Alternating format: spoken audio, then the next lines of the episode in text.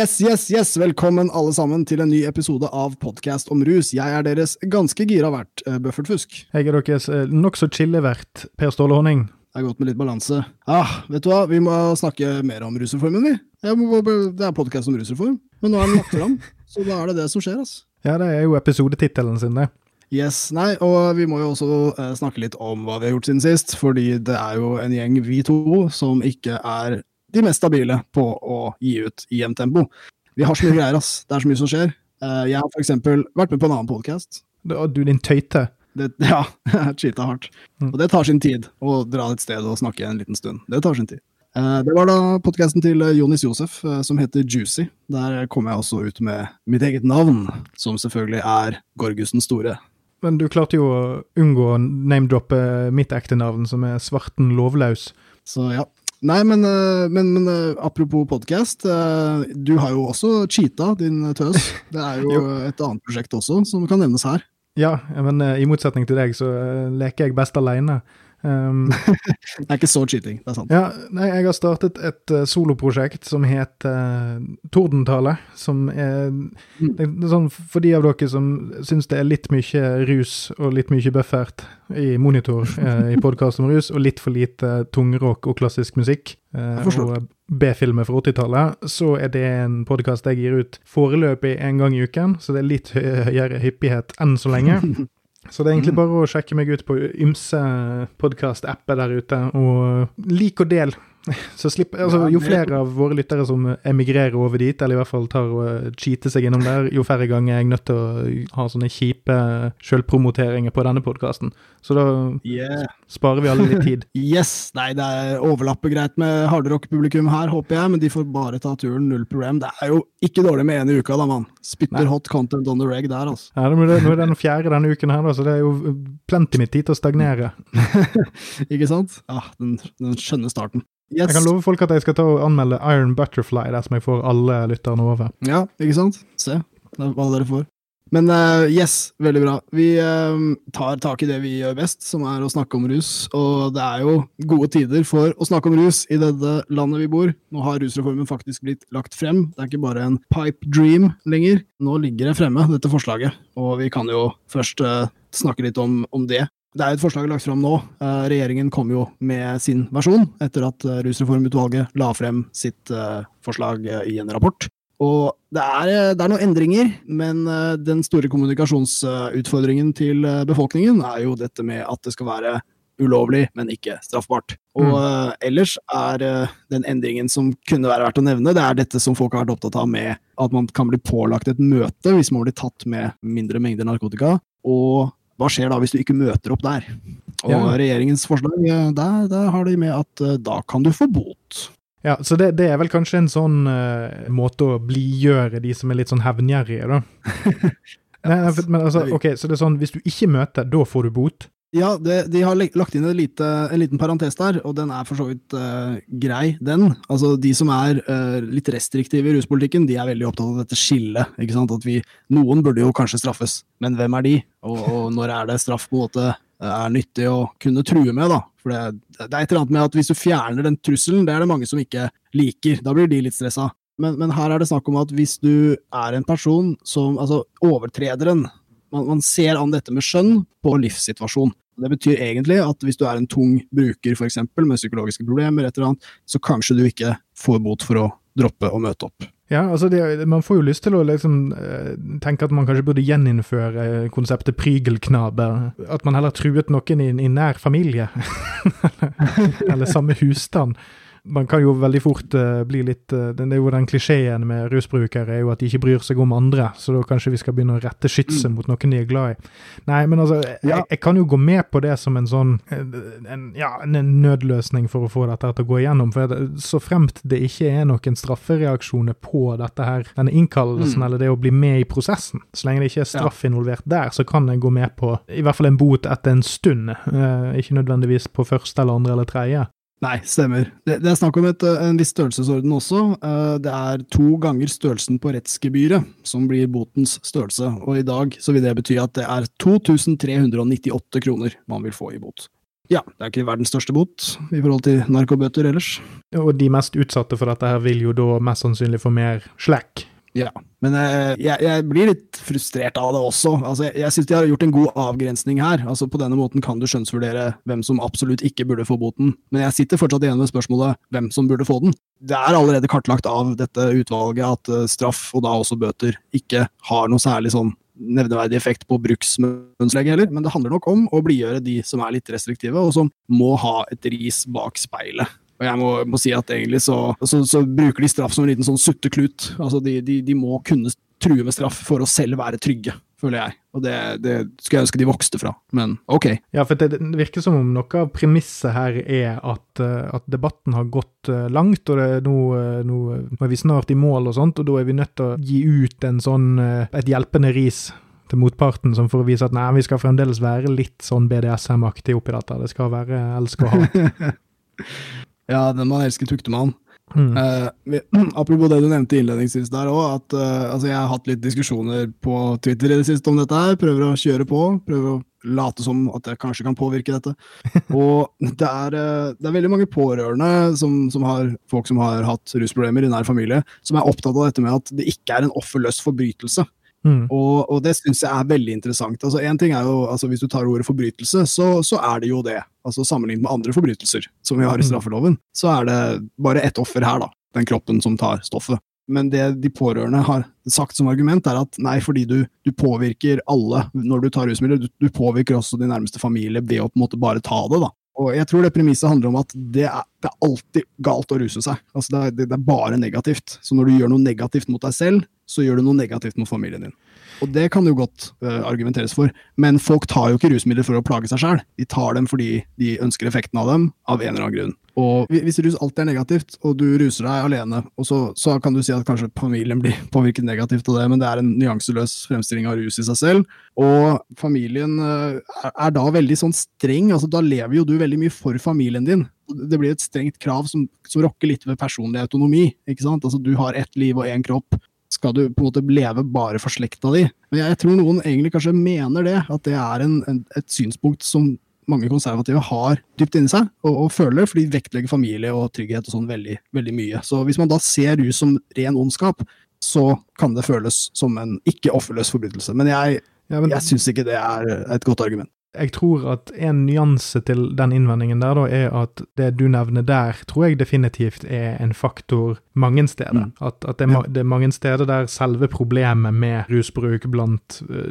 familiemedlemmer og sånt, er det at familien mm. reagerer så sterkt på det, istedenfor å liksom gi litt rom og la vedkommende være seg sjøl, og så prøve å hjelpe der det trengs, i så fall. Uh, men jeg tror òg at Inni dette her så er det ganske mange pårørende, som for eksempel altså, no, det, altså, der man faktisk ikke nødvendigvis er pårørende engang, men man har, at man har blitt utsatt for noe.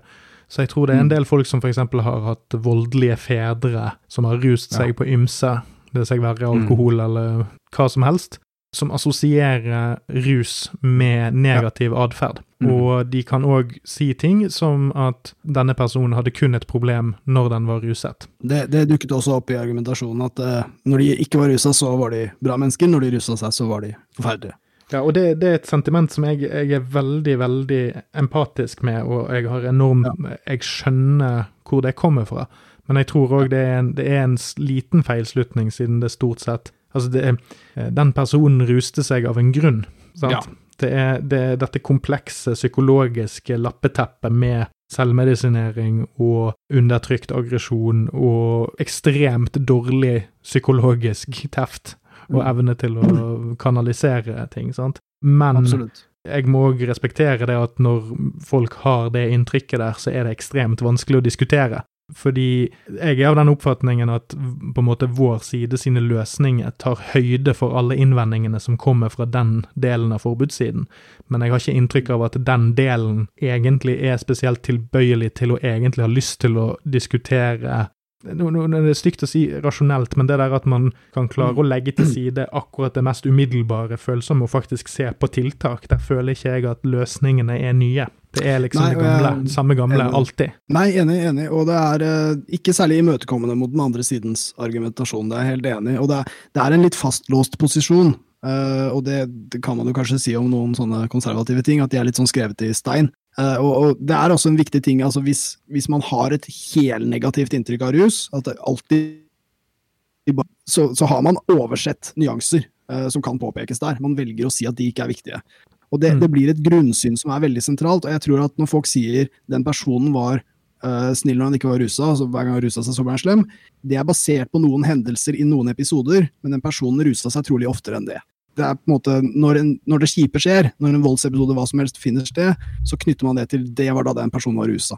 Så da, da, blir det fort en ting som at når man tar la oss si amfetamin, da, så blir det vold etterpå. Og det kan man få inntrykk av, selv om den personen har tatt amfetamin tusen ganger, og så skjedde den 1001 eh, første gangen. Men man tror det skjer hver gang. Og, og, hvis man ikke vet nok om rus, eller ønsker ikke å forstå rus, så vil man alltid gjøre den feilslutningen og få bekreftet det man allerede trodde, at rus er både ondskap og grunnen til at det kjipe skjer. Og da kan jo jeg, Vi må jo nesten komme oss litt videre her, på, vi, vi har jo et par flere punkter. Men jeg kan, jeg kan, avslutte denne biten her med en personlig anekdote som jeg ikke har fortalt uh, offentlig før. Um, men jeg har jo blitt utsatt for blind vold av en person som jeg i hvert fall har diagnostisert til å ha vært litt full, litt uh, innrøykt og en smule amfetaminspidet. Og det var ikke en veldig alvorlig hendelse, eller noe sånt, men det var det den eneste gangen jeg har blitt utsatt for vold fra vilt fremmede på ganske kort varsel. Alltid ellers har det mm. vært uh, litt mer forutsigbart. Uh, mm. Og i ettertid da så hadde jeg altså ikke sånn ekstremt alvorlige uh, konsekvenser med det, men det var en sånn en liten periode der det var litt sånn ekkelt å, å gå utendørs på kveldstid en liten stund. Mm. Som jeg kan kanskje kjenne et fnugg av en gang iblant nå.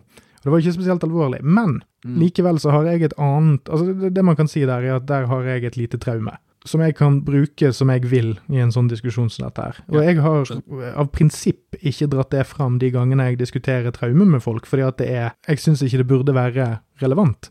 Mm. Uh, fordi, mm.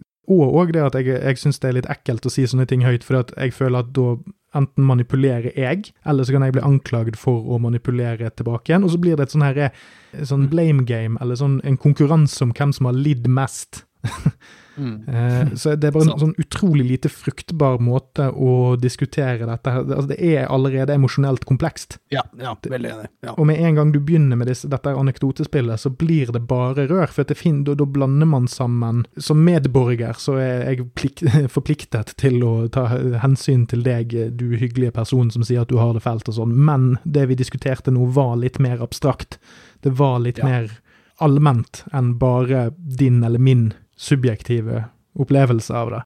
Ja, absolutt, det men det er en bra ting å dra inn her, føler jeg virkelig. Altså, Uh, uten å ta pårørende over en kam. Vi føler selvfølgelig dere, kjære pårørende, men det er, det er disse følelsene, altså. De er vanskelige. Det er, det er, en stor del av den debatten vi er i nå. fordi egentlig så har vi forskningen på vår side, for å si det. Uh, Rusreformutvalget har gått gjennom forskningen før de kom med dette rapporten, som vi er fornøyd med.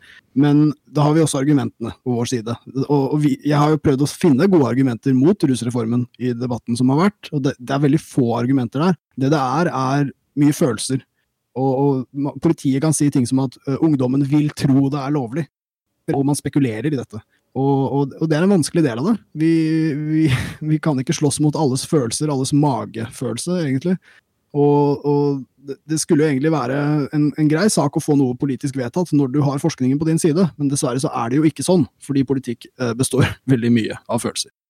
Men det er også uh, aviser som har sagt sin mening om dette her. Vi venter jo spent på noen av dem, sånn som VG, som har vært litt sånn uh, kritiske i forkant av dette. Kom med en heftig leder uh, på julaften 2019 imot rusreformen, men de har ikke sagt noe i det siste. Det er noen aviser som er for, det er Dagbladet, som alltid har vært på støtteren. Bergens Tidende ser også ut som Stavanger Aftenblad er for mest interessant er vel kanskje uh, Nordlys i Tromsø er da imot, mens den andre avisen i Tromsø, i Tromsø, de er for. Nordlys og i Tromsø, de, der er det jo sånn at det var den som var først ute som satt standarden for hva den andre skulle mene. De kan jo ikke være enige. Nei, det er vel kanskje sånn det funker der oppe, og det, det er veldig kult i så fall. uh, mediebyen Tromsø er splittet. Eh, jeg vil også nevne Nasjonen, eh, som er en veldig interessant, eh, litt sånn bygdete avis. Og, og, de har skrevet en leder som, som egentlig handler altså, de, de, skriver ikke hva de mener om det. det. det. er ganske utrolig å kunne skrive en hel leder om et kontroversielt tema diskutert i 40 år. uten å si hva du mener om det. Men lederen til Nasjonen handler om at det her kan bli veldig vanskelig for kommunene. rett og slett, At det kan bli en utfordring med, med, med det praktiske. Det... Øremerkede midler! ja, øremerk. Kom igjen, da. Det som alle egentlig skriver, selv om de er imot også, uh, det er at vi må slutte å straffe. Uh, altså, det er på en måte ingen som taler straffens sak, men jeg vil jo understreke at hvis du er mot rusreformen i dag, så er du pro straff. Da stemmer du for straff. Altså, Med mindre du bokstavelig talt soner en dom for å ha røykt eller hatt på deg hasj, så, ja. så, så telles ikke det som straff, altså. Nei, og det har jo også blitt nevnt av uh, bl.a. Uh, ordfører Robin Koss i Porsgrunn, som uh, tok opp dette med at man ikke kommer i fengsel for bruk i Norge. Og dette skrev jeg også på Twitter, og da var det i hvert fall to stykker så, så langt som har uh, kommet med uh, historier hvor de sier at jeg har sittet i fengsel for bruk og besittelse av Han ene sa 0,1 gram hasj fikk ham i varetekt. Den andre sa at 1,7 gram hasj ble til en fengselsdom fordi han ikke betalte, kunne betale boten. Og, og, det er poenget her, som Kåss ikke får med seg. Og det er ganske utrolig å ha en ordfører som sitter og sier at nei, men folk er ikke i fengsel for det. Og så sitter de folka i fengsel og hører en ordfører si det. Altså, hva, hva, er vitsen med å overdrive på den måten? Det var en annen som dro fram statistikk også, som viste at det var, eh, det var få, men du kan ha si alt fra seks til ni personer i året i norske fengsler for kun bruk og besittelse, fordi de er rusbrukere. Og, og, i lovverket slik det finnes i dag, så er ikke det noe sperre, for å si det, da, som hindrer disse brukerne å komme i fengsel hvis de blir tatt, for bot og ikke kan betale boten. De får aldri stå foran en dommer og forklart saken sin heller, de får bare omgjort eh, boten til fengselsstraff. Eh, så, så, det er ganske utrolig at man, man, ignorerer dette her. Det er ikke noe sperre i lovverket som hindrer at disse kommer i fengsel. Jeg syns vi skal nå slutte å gi den tvilen skal komme folk til gode. Fordi ja.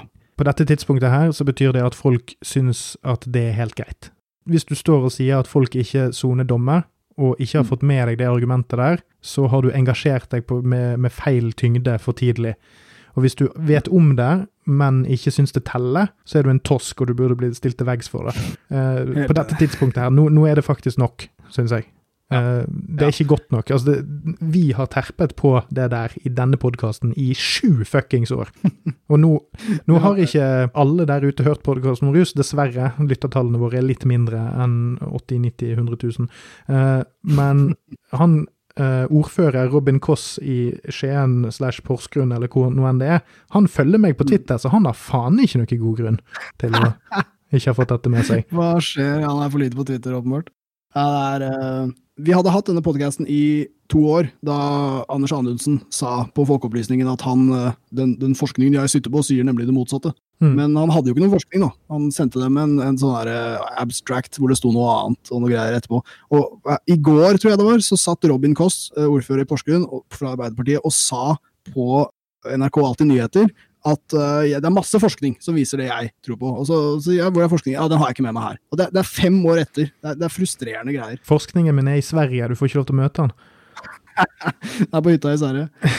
Ja, det er noe med, med de, de, tre store NNPF-byene i Norge. Det er eh, Tønsberg, Skien og Porsgrunn. Der har de hatt base hvor de har drevet kurs og veldig sterke lokallag i alle år de tre ordførerne fra de tre byene er de mest sentrale eh, kritikerne av eh, rusreformen i mediene, og alle er fra Arbeiderpartiet. Så det er en del av den kampen som foregår i Arbeiderpartiet nå.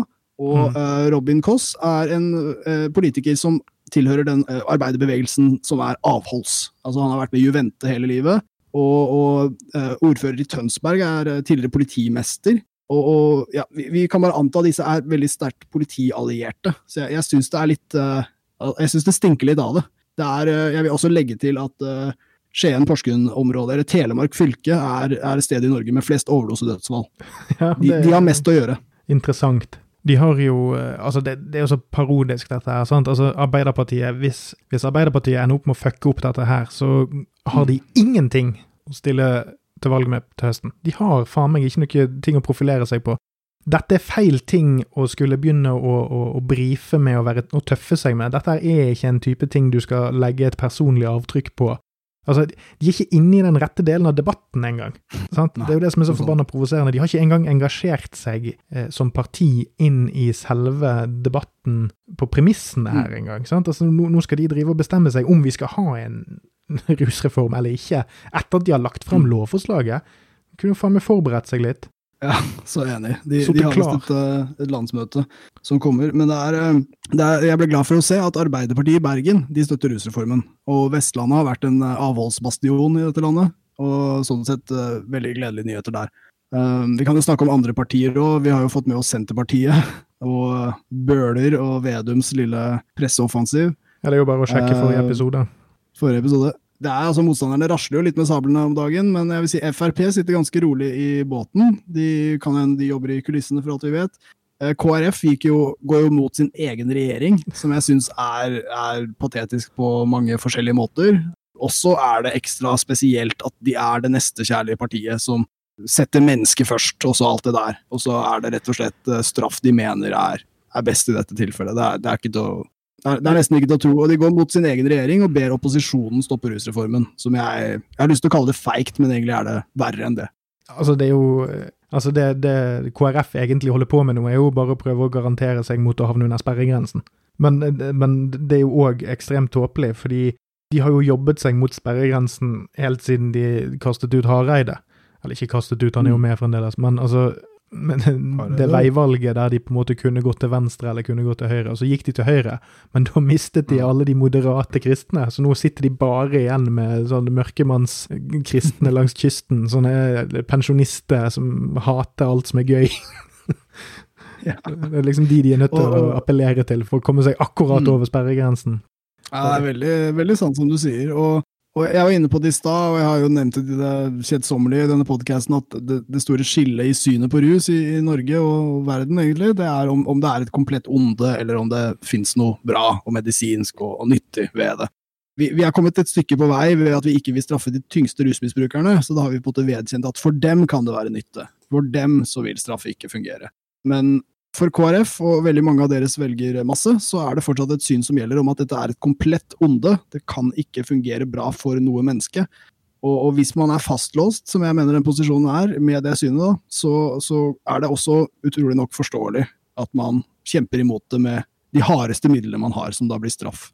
Men det er, øh, det er feil. Jeg må si det, det er feil. Det er å overse store deler av forskningen som finnes, spesielt den mer øh, filosofiske, samfunnsvitenskapelige delen. Eh, og, og man, må, man må i større grad høre på brukerne og hva de sier, istedenfor å selektere de som er enige med sitt budskap. Også spesielt at, at det virker som om de som er imot nå, er de som har mest å tjene på Ikke mest å tjene engang, men det, det virker som om de som er imot nå, er, er, er mest motivert ut ifra en eller annen slags sånn Jeg føler at alle som er imot, som ikke er en del av regjeringsapparatet nå, faktisk virker mer partipolitiske når de protesterer. Det, det er så utrolig lite av, av de innvendingene som kommer, som er er beleste, eller som faktisk virker rimelige. Det virker som standpunkt som man tar bare for å ha Mm. et, eh, og, og bare for å motarbeide eller stagge eller stoppe. Eh, og Mm. det er så smakløst. For jeg går helt med på at man skal ha en, en kritisk opposisjon, og man skal gå veldig nøye til verks og sånn. Men det virker som Mm. om Senterpartiet og Arbeiderpartiet virker hovedsakelig motivert. At det er viktigere å si noe for å være uenig med regjeringen, Mm. enn å bare si seg enig. Og det er, en, det er et sykdomstegn med måten man tilnærmer seg partipolitikk på, syns jeg. Det er et sånn generelt sykdomstegn, da, men, men akkurat her syns Mm. jeg det er veldig ille, fordi Eller jeg har ikke inntrykk av at regjeringen egentlig har dette som et sånn altså Det er ikke et prestisjeprosjekt på den måten at det liksom er en sånn ting man legger fram og hoverer over. sånn, Se hvor gode vi var, vi fikk til en rusreform. Uh, vi, Mm. sant? Altså, det, man kan mis... Jeg liker jo ikke denne regjeringen her i det hele tatt, men de har noe på dette punktet her skal jeg være såpass eh, apolitisk, eller jeg kan klare å sette til side andre kjepphester og si dette her er bra, dette her er så bra som det kunne blitt under disse omstendighetene. Mm. Vi kunne um, kjøre på med en uh, liten uh, saga som har pågått i Bergens Tidende helt til slutt. Ja. Det er rett og slett uh, Vi kan jo snakke litt om det her, altså. Det er først og fremst altså det, er, fem punkter som listes opp, og nå har det blitt tre forskjellige kronikker, kan vi kalle dem, hvor dette skjer. En slags fempunktstriologi er nå fullført ved at Hans Fredrik Martinussen kom med sitt innlegg. Og det begynner med eh, kommentator Anne Rokkan, som skriver fem punkter som, hvor, der Senterpartiets ruspolitikk bommer. Eh, Mm. De fem punktene ble, ble senere holdt på å si repetert, altså da fikk hun tilsvar fra Kjersti Toppe. som er stortingsrepresentant for Senterpartiet, og hun skrev eh, tilbake med da et argument på hvert av punktene. Og jeg må si at det, det er en eh, kort tekst om at det, med, med, argumentasjon som mildt sagt er kjent fra før. Men til slutt så kommer altså eh, Hans Fredrik Martinussen, som er professor i rettsvitenskap ved UiB, og han har en tekst som er rett og slett så ekstremt god. Jeg har lyst til å, å, å skryte av formuleringene her, og jeg hadde tenkt vi kanskje kunne kunne gå litt gjennom det som skrives, rett og slett. For det oppsummerer hele triologien.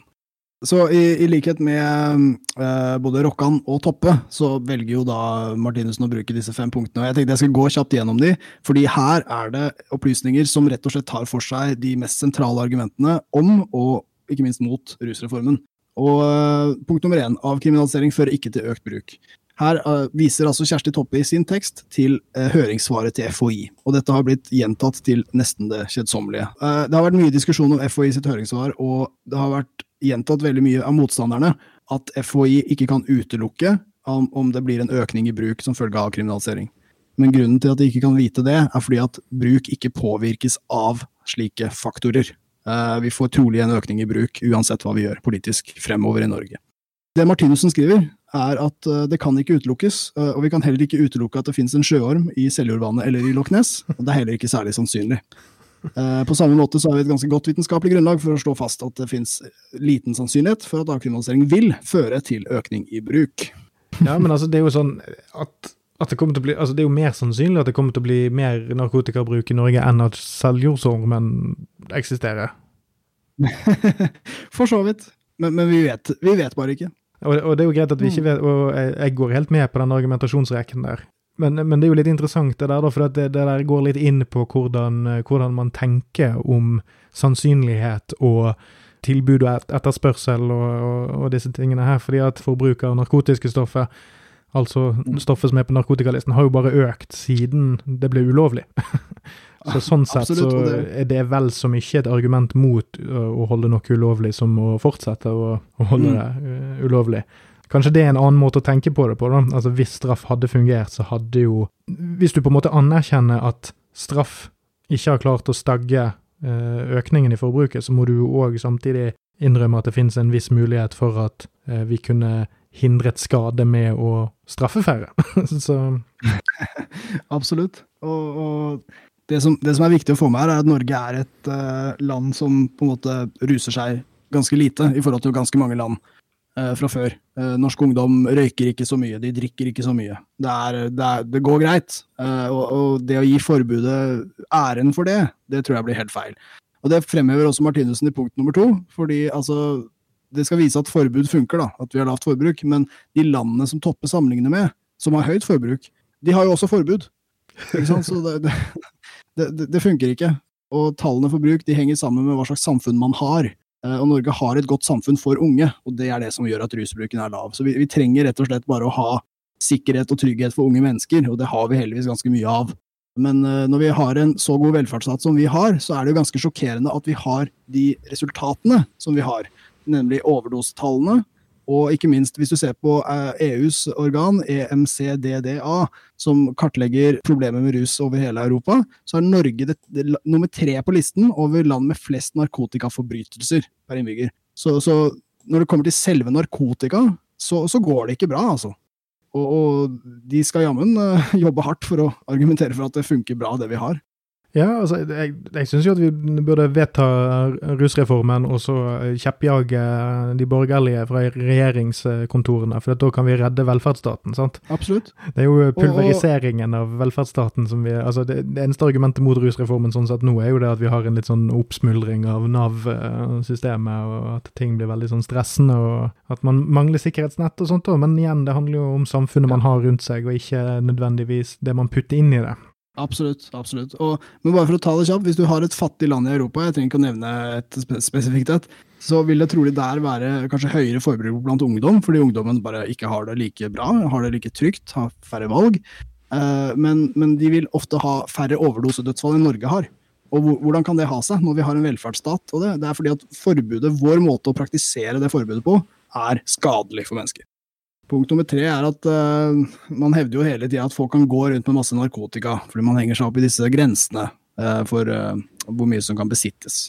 Men det Toppe ikke tar med, er jo at i utkastet til rusreform så har jo de lagt inn begrensninger som rusreformutvalget ikke hadde med, som er at du kun skal kunne ha tre av disse stoffene samtidig.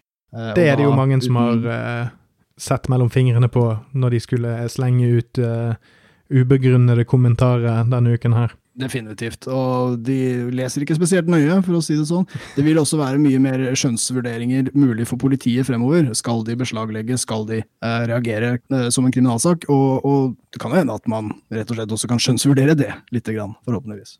Ja, altså herregud, altså hvis du står med all, alle de verdiene på deg der i en sånn, sånn trenchcoat uh, à la folk som selger sånne brukte eller fake Rolexer Selvfølgelig blir du mm. hanket inn. Du ser jo ikke helt uh, riktig navla ut. Altså, Nei, og... det, hva slags samfunn er det de ser for seg, disse folkene som tror at folk skal gå rundt med alle disse verdiene på seg? Nei, absolutt. De, de, de prøver jo bare å fremme dette som om kan bli, det kan bli lovlig å selge eller noe sånt. Det, det stemmer jo ikke. Uh, også verdt å nevne her at uh, fem gram heroin er grensen som er foreslått i rusreform-lovforslaget. Men når man spør da uteseksjonen, og brukerne ofte, hvor mange doser er fem gram, så sier de 10 til 15 doser. Men hvis du spør Kripos, så sier de 70. og, og, og, det er noe interessant her med at vi bare ikke helt vet hvordan det er å, å, å bruke disse stoffene. Altså, det er ingen brukere som har vært med på disse utredningene. Det er, det er en distanse eh, som er skadelig. Altså, vi, vi, forstår virkelig ikke hvordan de har det, og vi velger å fremstille det på en annen måte. Det, det, Kripos har bare ingen bakkekontakt, altså. ingen forståelse for hvordan dette faktisk brukes i praksis. De går for en helt teoretisk fremstilling. Det, det, vi nevnte det jo sist, og vi har mange ganger før. Det er jo alltid dette her med altså, renhetsgrad, og så er det hva er det som er strafferamme versus hva er det som gir ruseffekt. Altså har du opparbeidet deg toleranse. sant? Det er så jævlig mange ting. Og så trenger det ikke være fysisk toleranse, det kan være mental toleranse. Det, ja, det, du skulle hatt et sånn tverrfaglig utvalg med rusmisbrukere og lege som satte seg ned og skrev mm. ned dette i, i hard copy. sant. Og så punktet nummer fire, som er om ungdommen, som alltid dukker opp også som argumentasjon. Og greia er, i dag hvis eh, politiet kommer over fulle ungdommer som ligger strødd på, på trapper og gater og hvor de befinner seg, så kan jo selvfølgelig politiet gjøre noe med det. Eh, selv om rusmiddelet er helt lovlig, til og med. Og politiet vil selvfølgelig også kunne gjøre dette for ungdom som bruker narkotika etter en avkriminalisering. De som er imot rusreformen, fremhever gjerne disse ruskontraktene som de syns er så utrolig rause og snille inngått av Politihøgskolen av en viss Jan Erik Bresil, viser at disse kontraktene ikke er effektive. Det er uh, rett og slett de ressurssterke menneskene som får nytte av slike alternative tiltak. Uh, de folka som har lave ressurser og vanskeligere forhold i utgangspunktet, får ikke utbytte av det. Og da blir dette et eliteprosjekt. Da blir dette rike folk som sier vi vil ha ruskontrakt, og så er det de fattige som ikke får utbytte av dem. Uh, hvis jeg skal velge det økonomiske her. Så, så, det å utsette ungdom for, for uh, straff, det gjør alltid vondt verre, og den virker også forlokkende. Fordi det å bryte grenser er noe ungdom syns er veldig spennende. Så det kan bare ikke undervurderes her, altså. Ja, avslutningsvis, det femte punktet fra Martinussen. Eh, Senterpartiets forslag er ikke bedre, som er eh, vært overskrift på det femte punktet på alle sammen avkriminalisering er nødvendig for å redusere død, helseskade og stigma knytta til rusmiddelmisbruk. Og her velger Martinussen bare å liste opp uh, FN, Verdens helseorganisasjon, Human Rights Watch, EUs overvåkningssenter for narkotika og narkotikamisbruk. Alle disse store organene som jobber aktivt med dette problemet i stor skala, støtter avkriminalisering. Ber landene faktisk avkriminalisere. Så uh, siden vi har et velferdssystem som er såpass godt, så burde vi hatt det laveste nivået på ruslidelser i Europa, ikke blant de høyeste. Senterpartiet burde jo bare slutte å mene noe om dette. De er ikke flinke på det, de har ikke tradisjon for det, og hver gang de prøver å tøffe seg, så går de på trynet. Og dersom de får oppslutning av dette, og det håper jeg ikke ja, de får Det er åpenbart ikke en sak de bryr seg så veldig mye om. Kanskje de skal holde seg til ulv eller kjøtt. Ja. Ulv Sjøl det driter de seg ut på nå. De har jo blitt sånn, sånn kjøttekstremister. Det virker jo nesten som at uh, hvis du ikke, ikke, gir ungene dine fårepølse på skolematen din, så er du en barnemishandler. Sant? Jo, de har jo gått helt sånn De må komme med det mest spissede taken på uh, absolutt alt. Ja, og de har denne populismegreia gående om dagen. Alle skal fange den derre befolkningsdelen som, som, mener et eller annet som er en slags hype, en eller annen popgreie. Og Nå er det Senterpartiets tur. Vedum har aldri sagt en dritt om ruspolitikk, og plutselig skriver han om legalisering på, på fucking Facebook. Dette det, det kan de ikke en dritt om. De har bare tatt denne saken fordi de vet det finnes en uro i befolkningen som de kan benytte for å lokke frem nye stemmer hos nye uh, velgere. Og Jeg vil be alle velgere om å gjennomskue dette her. Senterpartiet er ikke noe nøytralt parti. De har en lang og fucka historie.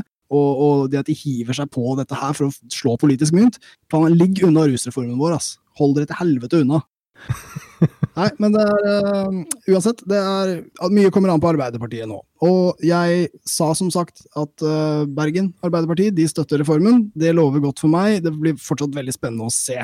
Ikke alt er avgjort. Det er frustrerende å se politiske kommentatorer for eksempel, snakke om rusreformen, fordi alle, ingen vil egentlig spå om den blir innført eller ikke. Dette blir hengende i lufta på en frustrerende måte, men med fare for at jeg ser det fra en viss vinkel, så ser det ut som det er mye støtte blant de aktørene som før har vært noe tvilende. Så jeg håper dette betyr gode signaler, og jeg eh, klarer ikke å gi opp ideen om at det her blir innført. Og det ville vært en komplett skandale om rusreformen ikke skulle bli stemt gjennom i Stortinget. Ja, men det er jeg helt uh, fuckings enig i. Eh, dersom uh, Arbeiderpartiet nå går og nuker rusreformen, så skal jeg jommen meg til å skrive en, en, skikkelig, skikkelig sint tweet. Da kan du tenke deg to ganger etterpå, tenker jeg. Som choice words. ja, nei, jeg har bare naiv tro på at Arbeiderpartiet kommer til å dra dette i land i sine egne rekker. Så får vi bare håpe at uh, de klørne Norsk Narkotikapolitiforening har i deres medlemmer, slipper litt taket og i hvert fall ikke vinner gjennom i den prosessen. Så Avslutningsvis så bare vil jeg si at min Twitter-følger, ordfører Robin Koss fra Porsgrunn, er en jævla nerd. Oppdater deg, Robin! Skjerpings! Takk for i kveld. Ta stem for rusreformen og ha en flott kveld, folkens. God natt.